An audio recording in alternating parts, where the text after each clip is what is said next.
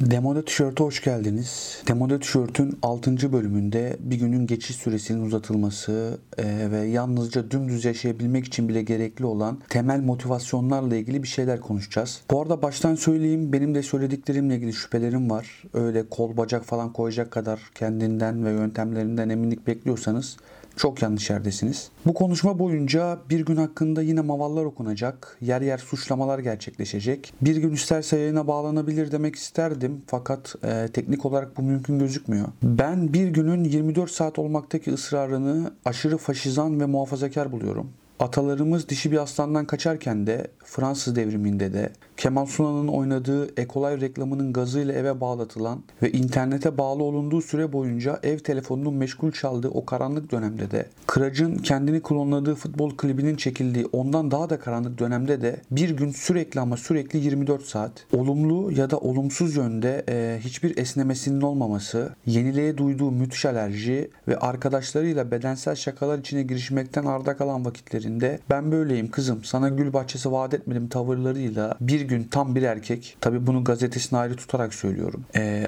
Einstein'ın genel görelilik kuramından hareketle zamanın herkese göre farklı hızda ilerlediğini ve düşündüğümüz gibi doğrusal olmadığını bir kenara bırakarak bir günümün nasıl geçtiğiyle ilgili bir şeyler anlatmak istiyorum. Ya postmodernizmin bizlere bu hakkı vermesi de çok tuhaf. Çünkü ciddi ciddi Einstein'ı bir kenara bıraktım az önce. Neyse. Yine 2010 yılında gereksiz sorumluluklar alarak NBA finalleri hakkındaki düşüncelerimi yazdığım e, fakat üzerinden geçen yıllarla gitgide bir haber portalı halini alan Twitter'a bakarak başladığım bir günde ülke olarak 500 yıldır olduğu gibi zor zamanlardan geçtiğimizle ilgili fikir sahibi olduktan ve yakınlarda bir yerlerde mutlaka sürer vaziyette olan inşaatlarla ilgili gayet subjektif cümleler kurduktan sonra Feyyaz Yiğit'in niçin 8-9 yıldır kendimi iyi hissetmiyorum cümlesini yazdığını anlamış oluyorum. Gerçi kendimi bu iyi hissetme işi sanatın hiçbir türünden anlamayan bir iktidara, Acun için bir adada oruç tutanlara ve aşı karşıtlarına bağlamak kolaycı bir yöntem de olabilir. Çünkü kendimi iyi hissetmediğim süre kahvaltı etmeye bıraktığım süreyle hemen hemen denk. Fakat kendimi iyi hissetmediğim sürenin kahvaltı etmeye bıraktığım süreyle hemen hemen denk olması, e, beni dağınık saçlar, rengi solmuş bir şort ve altları olabildiğince şişmiş gözlerle kızgın tost makinesinin içinde sıkışan kaşarlı ekmeğin yeterince ısınmasını bekleme yetisini de istemem. Bu arada kaşarlı ekmek vurgusu dikkatinizi çekmiştir. 7 Haziran'dan beri sucuk ve benzerleriyle savaş halindeyim. Fakat konunun Big Mac'i deliler gibi özleyen bir vejeteryan olmamla ilgisi yok. Neyse ne diyorduk? E, sırf kendimi iyi hissetmek için sabahın köründe domates kesmek, Domates suyunun elime sıçraması ve elimdeki oyunca çekirdekli sıvıyı musluktan akan suyla mı yoksa ağzıma sokup emerek mi temizlemem gerektiği ikileminde kalmakla da sonuçlanabilir. Yoksa ben de isterim sabah uyanır uyanmaz camı açıp derin bir nefes aldıktan sonra açma germe hareketleri yaparak güneşi selamlamayı, bugünün müthiş bir gün olacağıyla ilgili kendime salıklar vermeyi. Ama işte hemen karşıdaki bina kentsel dönüşümde ya, işçiler hemen karşıda benim parmağımı emerek sonuçlanan domates tecrübemin bir benzerini domatesi ısıra ısıra yiyerek net bir biçimde çözerken daha sıkı kalçalara sahip olmak için önlerinde derin nefesler alarak eğilip kalkmak en basitinden beni sermaye sahibi gibi gösterebilir. Üstelik sol kulağımdaki aşağı sarkmakta ısrarcı küpe de bu yargılarını destekleyebilir. Ee, ben galiba sermaye sahibi gibi görünmekten çok korkuyorum. Çünkü e, bence sermaye sahibi gibi görünmek çok kötü. Şu hayatta sermaye sahibi gibi görünmekten berbat tek bir şey var. O da sermaye sahibi değilken sermaye sahibi gibi görünmek. Ve beraberliğe dünden çok yarından az ihtiyacımız olan bu günlerde de her şeye rağmen x eşittir y iken y'nin de x'e eşit olması değeri anlaşılamayan ciddi bir lütuf. Sözelcileri de unutmayalım tabi. Yani hala ne kadar ekmek o kadar köfte ise ne kadar köfte o kadar ekmek gibi söylenebilir. Bu denklemin dışına çıkılan durumlar da oluyor tabi. Mesela YouTuber bir mafya çıka geliyor cesetlerin içinden böyle kan banyosu yapa yapa. Üstelik kimse kan banyosu yapmak gibi aşırı fantezilere kapılmasın diye var olan bir sanat olan edebiyattan birkaç alıntı yapıyor.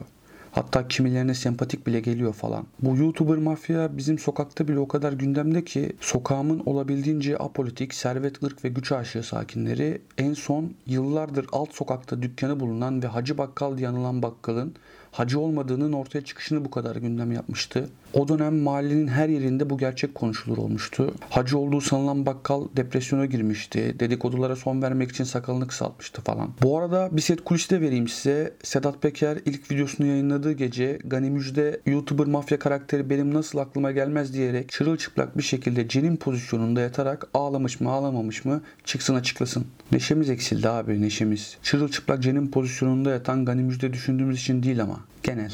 Çok ciddileştik bir kere. Oyunlar o kadar yetmiyor ki e, her oyunun daha büyüğünü arıyoruz. Bu öyle büyük bir ciddileşme ki Justin Bieber'ın patladığı platformu bir kelimeye yumuşak G ile başlamaya çalışacak kadar hoşgörülü, eşitlikçi e, ve devrimci olan eski başbakanlardan birinin oğlunun uyuşturucu ticareti yaptığını iddia etmek için kullanıyoruz. Bu ister istemez Twitter'da NBA finalleri yorumladığım zamanları aklıma getiriyor. Yani saat gecenin 5'i, o zamanlar kahvaltı da ediyorum tabii. Kahvaltıya da birkaç saat var. Kahvaltımı edip uyuma hayalleri kurarken şu tweet yazıyorum. Adeta bir savaş var Staples Center'da. Ee, bir de ben sürekli olarak ülkede gerçekleşen her şeyin Cüneyt Özdemir'e yaradığı gibi bir hisse kapılıyorum. Sürekli bir yerlerden çıkacak ve kurduğu birkaç cümlenin sonunda bizi yine başladığımız noktaya bırakacak gibi geliyor. Hiç unutmuyorum YouTuber mafyanın iddialarıyla ilgili doğru da olabilir, yalan da olabilir gibi bir yorum yapmıştı. Burada da mı kuantum be kardeşim? Burada da mı? O da olabilir, bu da olabilir. Ee, bu arada kuantum deyince aklıma geldi. Çay bahçelerine karşı kuantumunu seçtiğimiz Muharrem İnce o gece neredeydi ya? Cüneyt Özdemir şimdiden e, kaçırılmış da olabilir, evinde de olabilir dedi bile. Ee, bu arada bu söylediklerim Cüneyt'in kalbini kırarsa özür dilemeye de hazırım elbette. Millet olarak özür dilemekle ilgili o kadar ciddi problemlerimiz var ki. Yani bu coğrafyada kimse hata yapmıyor ve bu hatasızlığa rağmen hemen hemen her şey kötü gidiyor. Ya bir daha hata yapıyor olsaydık? Yılmaz Erdoğan Didem Soydan ile şiir klibi çekerdi herhalde. Yani bu özür dilememe durumunun farkına varıp ülkede özür dilemesi gereken kişileri düşünürken aklıma Emircan İrek geldi. İstemsizce özür dilemesi gerekenler listesinin başına yazdım onu. Zaten kimsenin hatasını kabul edeceği, istifasını sunacağı ya da özür dileyeceği falan yok. Bari bir şarkısında herkes hakkında savcı, yargılıyor diyerek bir meslek grubu hakkında asılsız iddialarda bulunan Emircan İrek özür dilesin. Sözün özü yaşamak için en gerekli şeylerden biri motivasyon. Tatile çıkmak, araba almak, trend yol indirimlerini takip etmek, kilo vermek, çamaşır asmak, bediküm müzik yapması. Hepsi içinde motivasyon barındıran şeyler. Fakat bir yandan motivasyon denen duygu durum e, en az çiğ köfte ve Türk aile yapısı kadar çabuk bozulabilen de bir şey. Gerekli şartlardan biri bile sağlanmadığı anda motivasyon kaybolabiliyor. Mesela bir gece geç uyumak, arkadaşlarla yapılan serpme olması muhtemel kahvaltı planının ihtiyaç duyduğu motivasyonu yok edebiliyor yani. Fakat tüm şartlar sağlandığı takdirde ise motivasyon bir çığ gibi gürül gürül geliyor. Peki sizce halkın coşkun akan ne zaman gelir tahminen? 6. bölüm burada sona eriyor. Bölümü simyacı bir kişisel gelişimcinin sözüyle kapatmak istiyorum. Çiçekler hiçbir şeyin kalıcı olmadığını öğretir bize. Ne güzellikleri kalıcıdır ne solgunlukları. Çünkü sonradan yeni tohumlar verirler. Mutluyken de üzgünken de hatırla bunu. Her şey geçip gider, yaşlanır, ölür, yeniden doğar. Umarım Binali Yıldırım'ın oğlunun ta Venezuelalara elinde poşetlerle neden maske götürdüğünü biraz olsun anlamışsınızdır. E motivasyon. E, 7. bölümde görüşürüz. Bu arada Binali Yıldırım ile ilgili olan cümle Koalho'ya ait değil.